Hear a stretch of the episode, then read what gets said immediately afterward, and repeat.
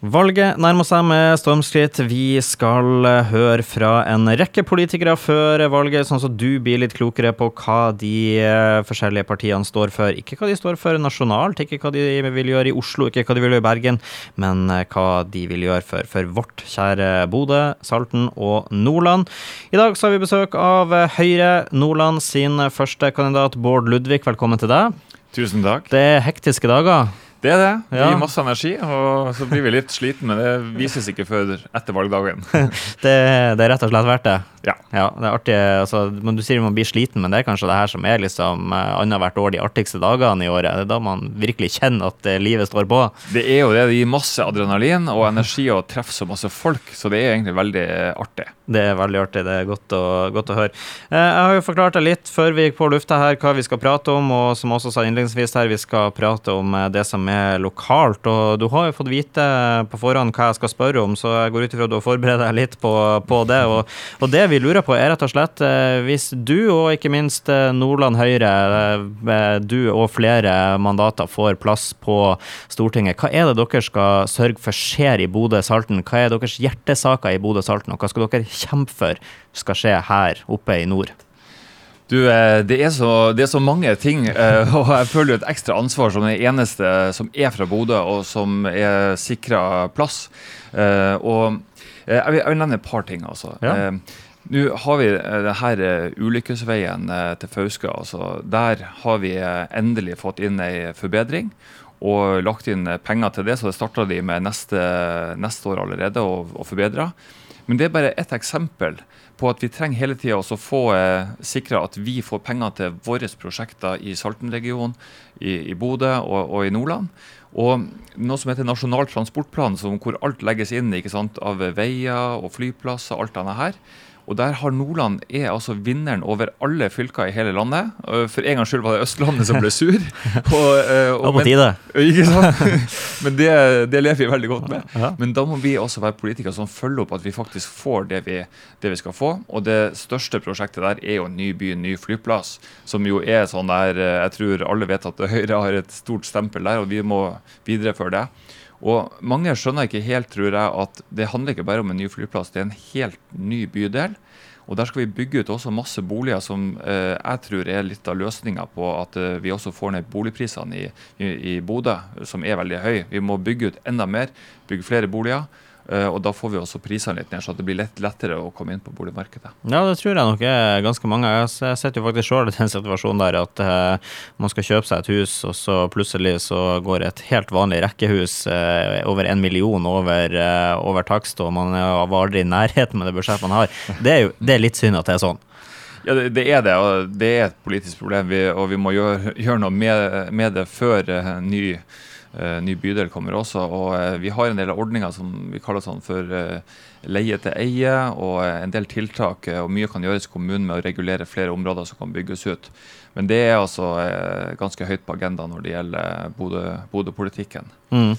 Eh, du nevner også eh, mye samferdsel her, infrastruktur, eh, andre ting som blir viktig for dere når dere skal rekke opp hånda på Stortinget. Mm. Og ja, du nevnte jo selvfølgelig å få, å få, penger opp nord også, som vi har, eller dere har lykkes med. Hva mer er det som er viktig, blir viktig for Bodø fremover? Ja, eh, faktisk så eh, mener jeg at for oss i Bodø så er det en veldig bra sammenheng mellom eh, klimapolitikk og distriktspolitikk. Det høres kanskje litt rart ut, men hvis du tenker på det, det, det, lag, det, skapes nå tusenvis av nye grønne industriarbeidsplasser. Uh, altså alt fra uh, å produsere batterier til hydrogen til, til skip. alt dette skjer i Nordland, og mye skjer også i Glomfjord. Og vi kommer til å ha et deponi på hydrogen i, i Bodø. Og så er det at vi skal skape de grønne løsningene i den nye bydelen urbane nullutslippsløsninger som kan bli så bra at vi kan eksportere til utlandet. Sånn at Poenget mitt er at det her med klima, en aktiv klimapolitikk hvor vi får utslippene ned og jobbskapinga opp, det kommer til å skape mange nye private jobber i Bodø og området. Og det er det som kommer til å løse utfordringa med å få en sterk befolkningsvekst og ikke befolkningsnedgang. Vi er på vei mot det faktisk nå. Du, det er, det er godt å høre. Eh, jeg har et spørsmål til deg. Eh, jeg ser jo at dere i Høyre går inn eh, i, i valget, og så har dere, eh, så har dere brukt mye slagordet at dere skal få fart på Norge igjen. Mm. Og, og der har jeg et lite spørsmål til deg. Nå, nå, har, nå har, dere sittet i regjering i åtte år. Altså, Hvis hun Erna først nå skal få fart på Norge, hva er det hun har gjort i statsministerstolen i åtte år, da? Ja, det er veldig, Du er ikke første som, som spør om det. Og eh, det, her, eh, det, her, slagordet var jo noe som vi, eh, noe vi satt oss og eh, tenkte ut eh, i de mørkeste timene i pandemien, hvor vi alle sammen satt, eh, satt inne i, i, isolasjon, og det var høy smitte. Og arbeidsledigheten var veldig høy. og det, var, det er altså den største helsekrisa og kanskje største krisa vi har hatt i moderne tid i Norge. Nå viser de her internasjonale som måler land, sånn som Bloomberg, sier at Norge har klart seg best av alle å komme, kom ut av det her. Bodø kommune har gjort en kjempejobb. Vi kommer veldig godt ut av pandemien. Og så har det jo gått så, så, Det å få fart på Norge var jo at vi skal få fart på Norge etter pandemien. Vi skulle tilbake der vi var, hvor tre av fire jobber ble skapt i privat sektor. Arbeidsledigheten var lav.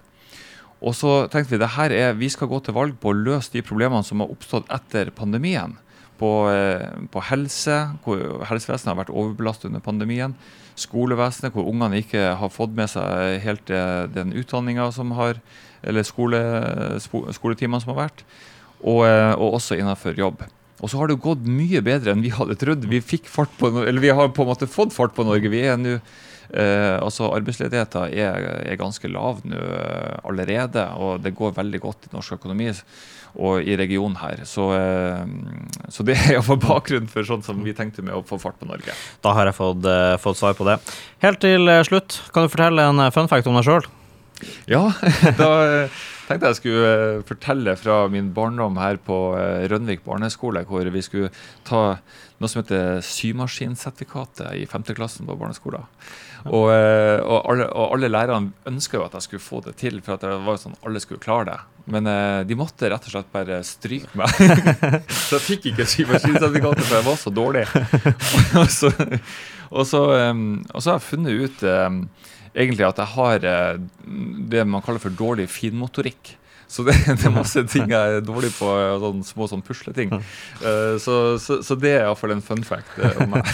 Vi får håpe at uh, det ikke har prega deg så mye i voksen alder at uh, symaskinsmerket ble liggende igjen på Rønvik barneskole. Takk for det, Bård Ludvig. Takk for praten, og lykke til med høstens stortingsvalg. Tusen takk.